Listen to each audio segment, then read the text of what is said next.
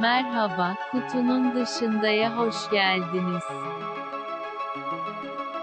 Hello, welcome to Kutunun Disinda. Herkese merhaba. Kutunun dışındaya hoş geldiniz. Bugün 6. yayınımızla e, binlerce dinleyicimizle beraber e, beraberiz. Bildiğiniz üzere ben Çağlar. Ben Melike. Yanında Melike var. Kutunun dışında biz ne yapıyoruz Melike? Size açıklamak ister misin? Bizim için olan anlamı mı, dinleyiciler için olan anlamı mı? Genel anlamda. Ben kendim için hayatımda bir boşluk dolduruyorum. Ama yani dinleyici, bilmiyorum. Ben hala sorunu çok genel geçer buldum.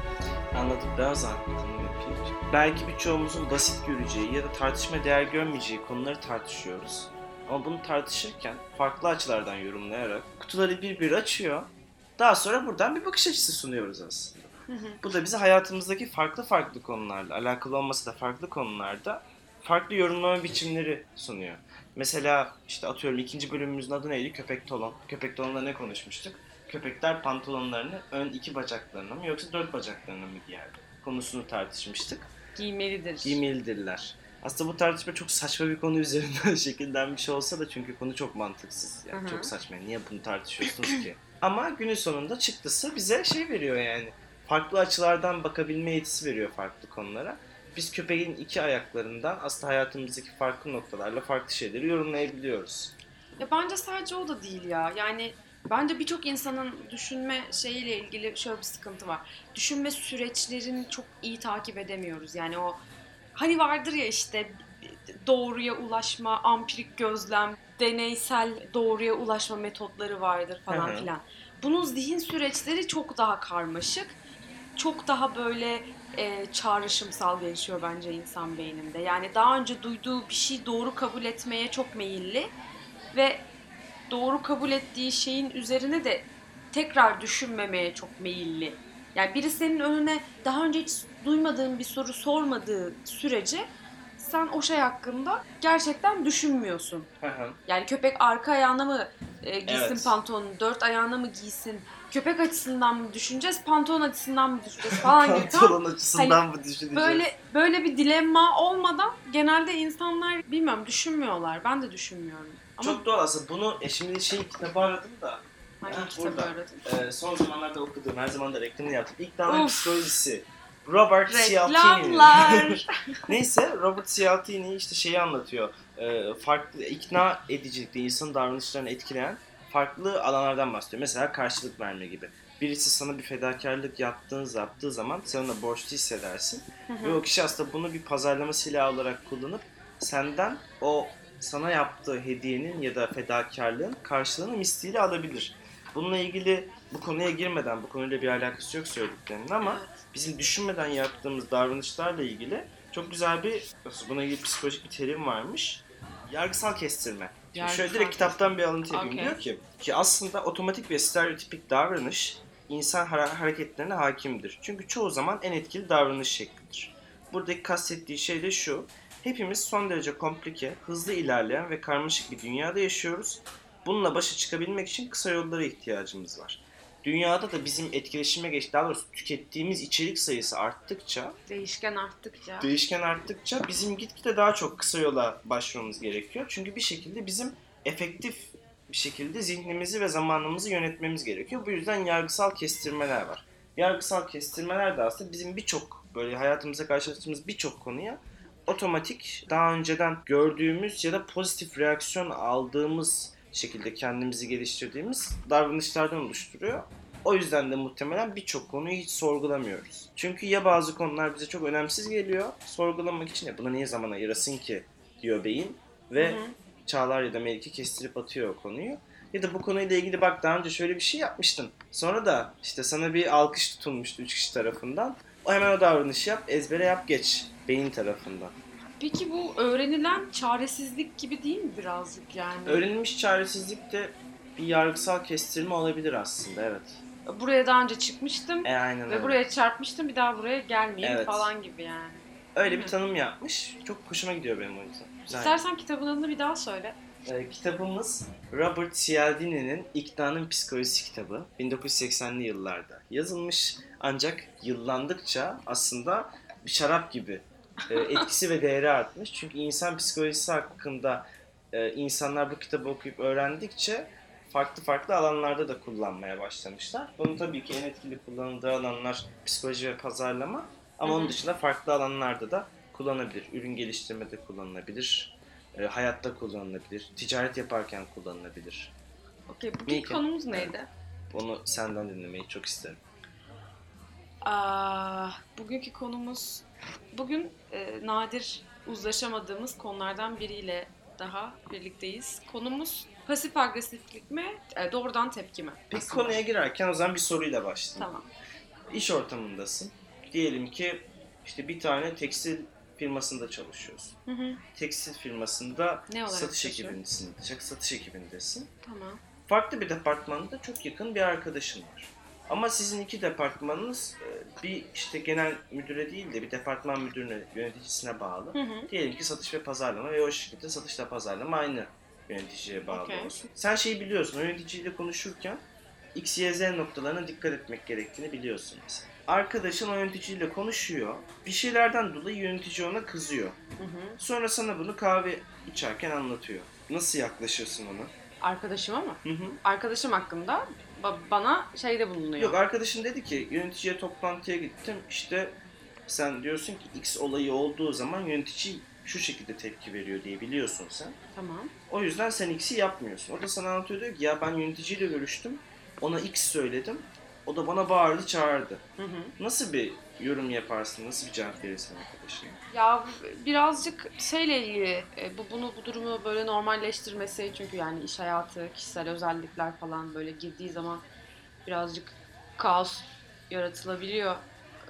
Ya onun öyle bir insan olduğunu işte Ve onun X yaptığı zaman bu tepki evet alacağını. hani böyle sınırları olduğunu, iletişim konusunda kendisi geliştirmesi gerektiğini, bunu belki haftalık ya da işte aylık birebirlerinde iletişimle ilgili sorunları dile getirmesi gerektiğini falan filan söylüyor tavsiye ederim. Aslında şey bu iletişim kanalı oluşturma söz Aha. konusu. Hem arkadaşınla sen arkadaşına sen bir geri bildirim veriyorsun. Arkadaşın da işte yöneticisiyle diyorsun ki Of. birebirinde ona geri bildirim ver diyorsun. Hı hı. Bunların adı aslında geri bildirim. Hı Değil hı. mi? Şu noktaya gelmek istedim aslında. Geri bildirim hayatımızın içerisinde var ya. Hı hı. Ben şuna inanıyorum. İnsanlara verdiğimiz tepkiler ki bu tepkileri ben sadece agresif bir tepki olarak da düşünmüyorum. Hı hı. Geri bildirimler de belki farklı açılardan e, kullanıldığında bir tepki Hı hı. e, ifade edebilirler. E, her zaman e, pasif agresif davranışlara göre insan toplumunu ileri götüren ve kişiyi kısa vadede olmasa bile orta vadede çok daha mutlu bir hayata sürükleyecek bir davranıştır. Bir dakika yalnız o soruyu bana sorman tuzak soru. Çünkü ben o durumdan etkilenen kişi değilim o sırada. Tamam. Yani tamamen kendi alanımda, kendi konfor alanımda mutluyum. Mutlu mesut yaşıyorum. Benim yönetimde hiçbir problemim yok. Hı hı. Tabii ki yanıma bana, e, bana akıl danışmaya gelen birine en makul ve en mantıklı cevabı vereceğim. Onun yerinde olsaydım çok büyük bir ihtimalle pasif agresif tepki verirdim. Karşımdaki insanla ilişkilerimi, iş ilişkisi, profesyonelliği seviyesine indirirdim. Hı hı. Ama yine işte ekip kültürünü geliştirmek adına birebir yapılan görüşmelerde geri bildirimde bulunurdum. Ama bu o insandan vazgeçmediğim ve ona karşı pasif agresif olmayacağım anlamına gelmez. İkisi farklı şeyler. Ya yapılması gerekeni yaparım, okey. Ama pasif agresiflik, madem konuya oradan girdin, ben de buradan devam ettireyim. Pasif agresiflik şöyle bir şey ya. Yani bana göre bir insandan vazgeçiş. Bir şeyi böyle tanımlama gibi. Böyle pişmanlık, bir, bir hayal kırıklığı. Bir Anladın böyle mı? betimlemeli bir örnek verebilir misin? Yani şöyle mesela ben seninle vakit geçiriyorum. Güzel bir kimya yakaladık, iyi bir arkadaşlığımız var.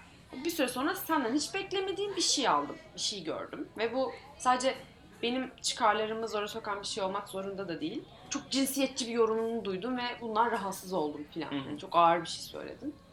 Buna karşı tepki vermeme gerek yok. Anladın mı? Peki ama pasif Çünkü- agresiflik de bir tepki aslında. Çünkü sen öyle birisin artık tamam mı? Hı hı. sen artık e, işte kadını değersizleştiren falan e, tabuları olan böyle geleneksel bir tipsin kafamda. Bitti yani. Mümkün değil. Anlatabiliyor muyum? Yani benim işte 26 yıllık 25 yaşındasın pardon 25 yıllık hayatını alıp da başka bir noktaya getirme ihtimalim yok yani. Ben Tamam. orada ne söylesem ve benim buna inancım da yok. Anlatabiliyor muyum? Yani seni değiştirebileceğime dair. Onun yerine bundan rahatsız olduğumu ve seninle ilişkimi daha minimumda tutacağımı belirtmek için pasif agresif tepki veriyorum. Mesela Çünkü- tepki çünkü- veriyorsun? Ben sinirleniyorum da. Anladım, Anladın anladım. mı? Beni karşımdaki insan hayal kırıklığına uğrattığı zaman. Peki mesela burada nasıl tepkiler veriyorsun? Bir de ben böyle bir şey yaptım. Sen bana pasif agresif bir tepki verdin. Evet. Bu tepki nasıl bir şey? Bu tepki bizim normal iletişimimizin Hı hı. E, minimize edildi. Mesela ben sana normalde sabah günaydınlaşıyorum.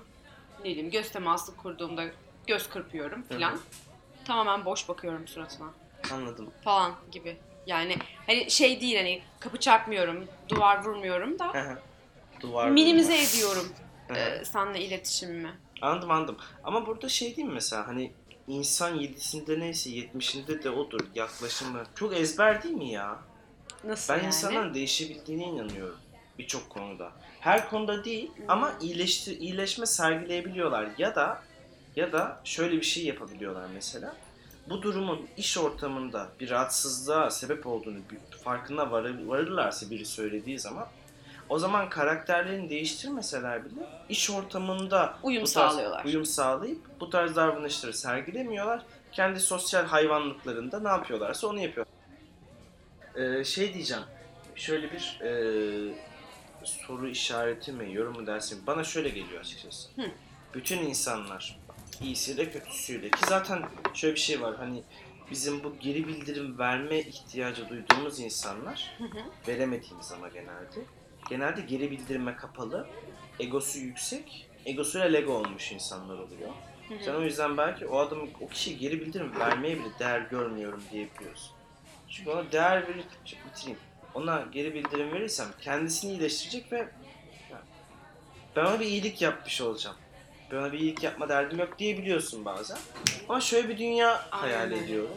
Mesela herkes açıklıkla böyle bir şey dile getirse aslında gerçekten çıktı bu mu olur? Çünkü mesela o kişiyle konuşuyorsun mesela yöneticinle. Yöneticinle konuşuyorsun. Hı hı. Ya sevgili yöneticim, geçen biri biri şey toplantı yaptık. Ben toplantıda X olayını yaptım.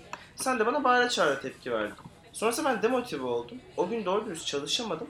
Ve şu an gerçekten e, şirket hakkında demotiveyim.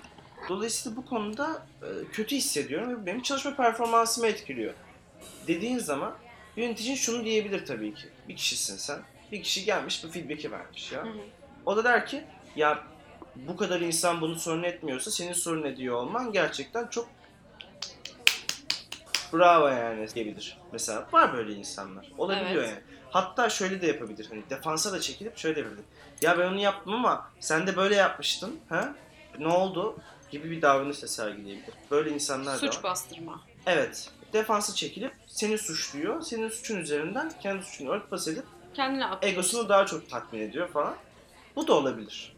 Hı hı. İkinci kişide de bu olabilir ama herkes bu olayla ilgili geri bildirimlerini bu şekilde ifade ederse üçüncü olaydan sonra ben artık o kişinin bunu göreceğini ve değiştireceğini düşünüyorum. Ha geri bildirim çalışmadı. O zaman e, birçok organizasyonda farklı e, şirket içi departmanların birbirini denetlemesi ya da birbirine etkide bulunması söz konusu. Baktın sen yöneticinle konuştun. Çözülmedi ya bu. O zaman gidip İK ile konuşuyorsun. İK daha sonra bu sorunu senin yöneticinin yöneticisine taşıyor. Senin yöneticinin yöneticisi o yöneticiye bu feedback söylüyor. Bunu artık dikkatli ol diye. Ondan sonra senin yöneticin de boynunu bükerek geliyor. Diyor ki affedersin. Bundan sonra düzelmeye çalışacağım. Böyle case'ler çalışabilir. Bir kere de olmayabilir, iki kere olmayabilir. Kurum yapısı bozuk olabilir ama e, ütopik bir dünyada bana en mantıklı şekil bu gibi geliyor. Bahsettiğin prototipteki bir insan yani yeterince egoist bir insan zaten 50 kişi de aynı geri dönüşte bulunsa onu o, o egoyla o egoyla bastırıyor zaten yani. Hani bir iki kişi aynı yorumu yaptı. Herhalde bende bir problem var demiyor. Onu demesi için şunu da şunun olması lazım. 50 kişinin aynı anda bulunduğu bir toplantı odasında 50 kişinin de aynı cümleyi söylemesi lazım adama. Birebir de o adamlar gidip o insanla konuşsa hiçbir işe yaramayacak. Çünkü birbirlerinin ne söylediklerini bilmiyor olacaklar. Haklısın bunu ben de tecrübe ettim daha önce. Ama onun dışında Gene bölüyorum. Aşırı dağıttım değil mi şu an konuyu? Devam et. Ee, şey konusunda da çok haklısın. Bunu birinden intikam almak için de yapıyorum. Biri çok büyük bir hata yapıyor. O insanı düzeltebilirim. Yaptığı hatayı anlatabilirim, açıklayabilirim. Ama diyorum ki benim ben o insan için çok önemli değilim. Yani o da benim için değil, ben de onun için değilim. Ben bu hatayı şimdi düzeltirsem onun için yeterince acı verici olmayacak. Anladım. O yüzden bırakıyorum onu. Tamam diyorum. Yani yaptım yani bunu. Anladım. Bunun şu, bilincinde şöyle bir şeye olarak. geri döneceğim. Psikoloji biliminin gibi psikoloji bilimi diye bir şey var ya. Hı hı. Bir iletişim aslında. İletişimde psikolojiyle bayağı e, etkileşim içinde bulunan bir şey. Çünkü insanı kavruyor. insanın tepkilerini, insanın davranışlarını vesaire yorumluyorsun. Dolayısıyla psikoloji biliminin olduğu bir yerde bir insana feedback'i nasıl verirsen ver bunun çalışmayacağını zaten biliyorsun o insan egoistse demek bana büyük bir yanılgıya düşmek gibi geliyor. Nasıl yani? Yani bir insana bir şekilde bir feedback'i vermek bir şeyin çalışmasını tetiklemeyebilir. Evet. Ama onun bir yolu yok zaten. Pasif agresiflik mesela bunlardan bir tanesi. Şundan kaynaklanıyor pasif agresifte zaten. Bir insan bir kötülük yaptı. Ben de ona doğrudan bir kötülük yaparak değil ama ona daha önceden yaptığım iyilikleri artık ona yapmayarak bir kötülük yapmış oluyorum gibi. Evet aynen öyle. E, dolayısıyla aslında bu da bir feedback yöntemi. Ama bu doğrudan bir feedback değil. Çok dolaylı bir. Hani o yüzden. Ee, Yani evet şey konusunda kesinlikle katılıyorum. Yani bu da bir feedback ama neye feedback? Yani konuyu bilmiyor, bir şey olduğunu biliyor sadece karşı taraf. Ama o şeyi nasıl düzeltiyor, düzeltmiyor ve bir şekilde e, senin böyle gönlünü almak için bir şeyler çabalasa, seni yumuşatsa bile aynı problemin yeniden yaşanmayacağının garantisi yok. O konuda kesinlikle katılıyorum. Ama gene aynı mesela iş yeri örneği için veriyorum. Hı hı. O kadar şeffaf olamıyorsun. Mümkün değil yani.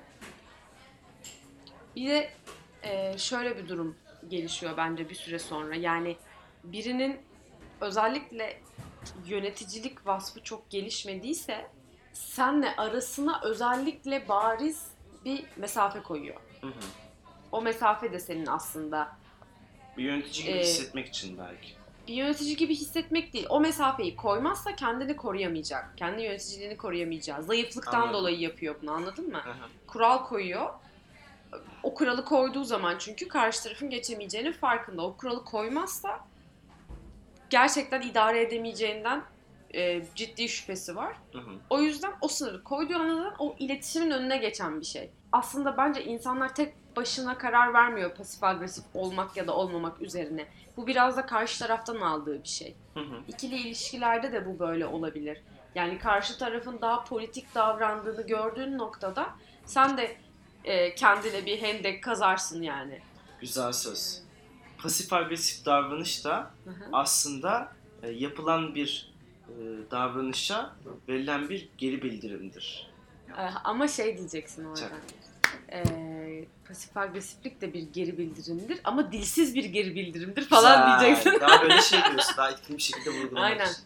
Vay buradan nasıl bir konsolidasyon alırız bilemedim açıkçası. Çünkü ben hala geri bildirim verip verip verip verip bunun tepkisini alamadığım zaman pasif agresifliği de aslında burada pasif agresif de değil bazı noktalarda. Hani e, yapılan şeye verilen tepki pasif agresiflik. Ama bir süre sonra o pasif agresif davranışlar zaten normal davranış rasyonelite halini alıyor ve sen Hı hı. rasyonel iki canlı gibi hareket ediyorsun o ortamda. Evet. Duygusuz. Business is business. Evet. Rasyonel yani. İki boyutlu böyle kağıttan yapılmışsın gibi falan. Hı hı. Dolayısıyla Öyle şöyle hayal bir şey olmaz mı mesela? Şu sana mantıklı geliyor mu? Bir kişiyle çalışıyorsun. Hı hı. Ee, biraz egoist. Ama şansını deniyorsun geri bildirimde ya. Geri bildirimde şansını deniyorsun. 1, 2, 3. Denedin üçünde de. Hı hı. Üçünde de çalışmadı. Evet. Sonra rasyonel bir takınma mantıklı geliyor mu sana? Rasyonel bir takılma. Yani iki boyutlu bir iletişim. Evet. Mantıklı geliyor. O zaman aslında bir orta nokta bulduk. Yani şöyle. Aslında yani biz aslında pasif agresifliğin de bir geri bildirim yöntemi olduğunu Bir dakika. konuştuktan sonra Bunu bu, bu benim yaptığım bir salaklık da olabilir. hangisi? Yani e, bir insana üç kere gidip de aynı geri bildirimde bulunmak benim salaklığım da olabilir. Öyle bir orta yol vardır diyemeyeceğim o yüzden. Farklı bir geri bildirim de olabilir canım. Aynı geri bildirim olmak zorunda değil ama Hani görüyorsun almıyor yani geri bildirim tamam mı? Ben şeye kat şu bu arada gerçekten şeye çok katıldım ya. Pasif agresiflik bir geri bildirim yöntemidir. Hakikaten öyle ya. Akıllı insana yarıyor o geri bildirim. Ben mesela bana pasif agresifle yaklaşan insanları hakikaten anlıyormuşum. Ben bayağı davranışımı değiştirdim öyle iş ortamı.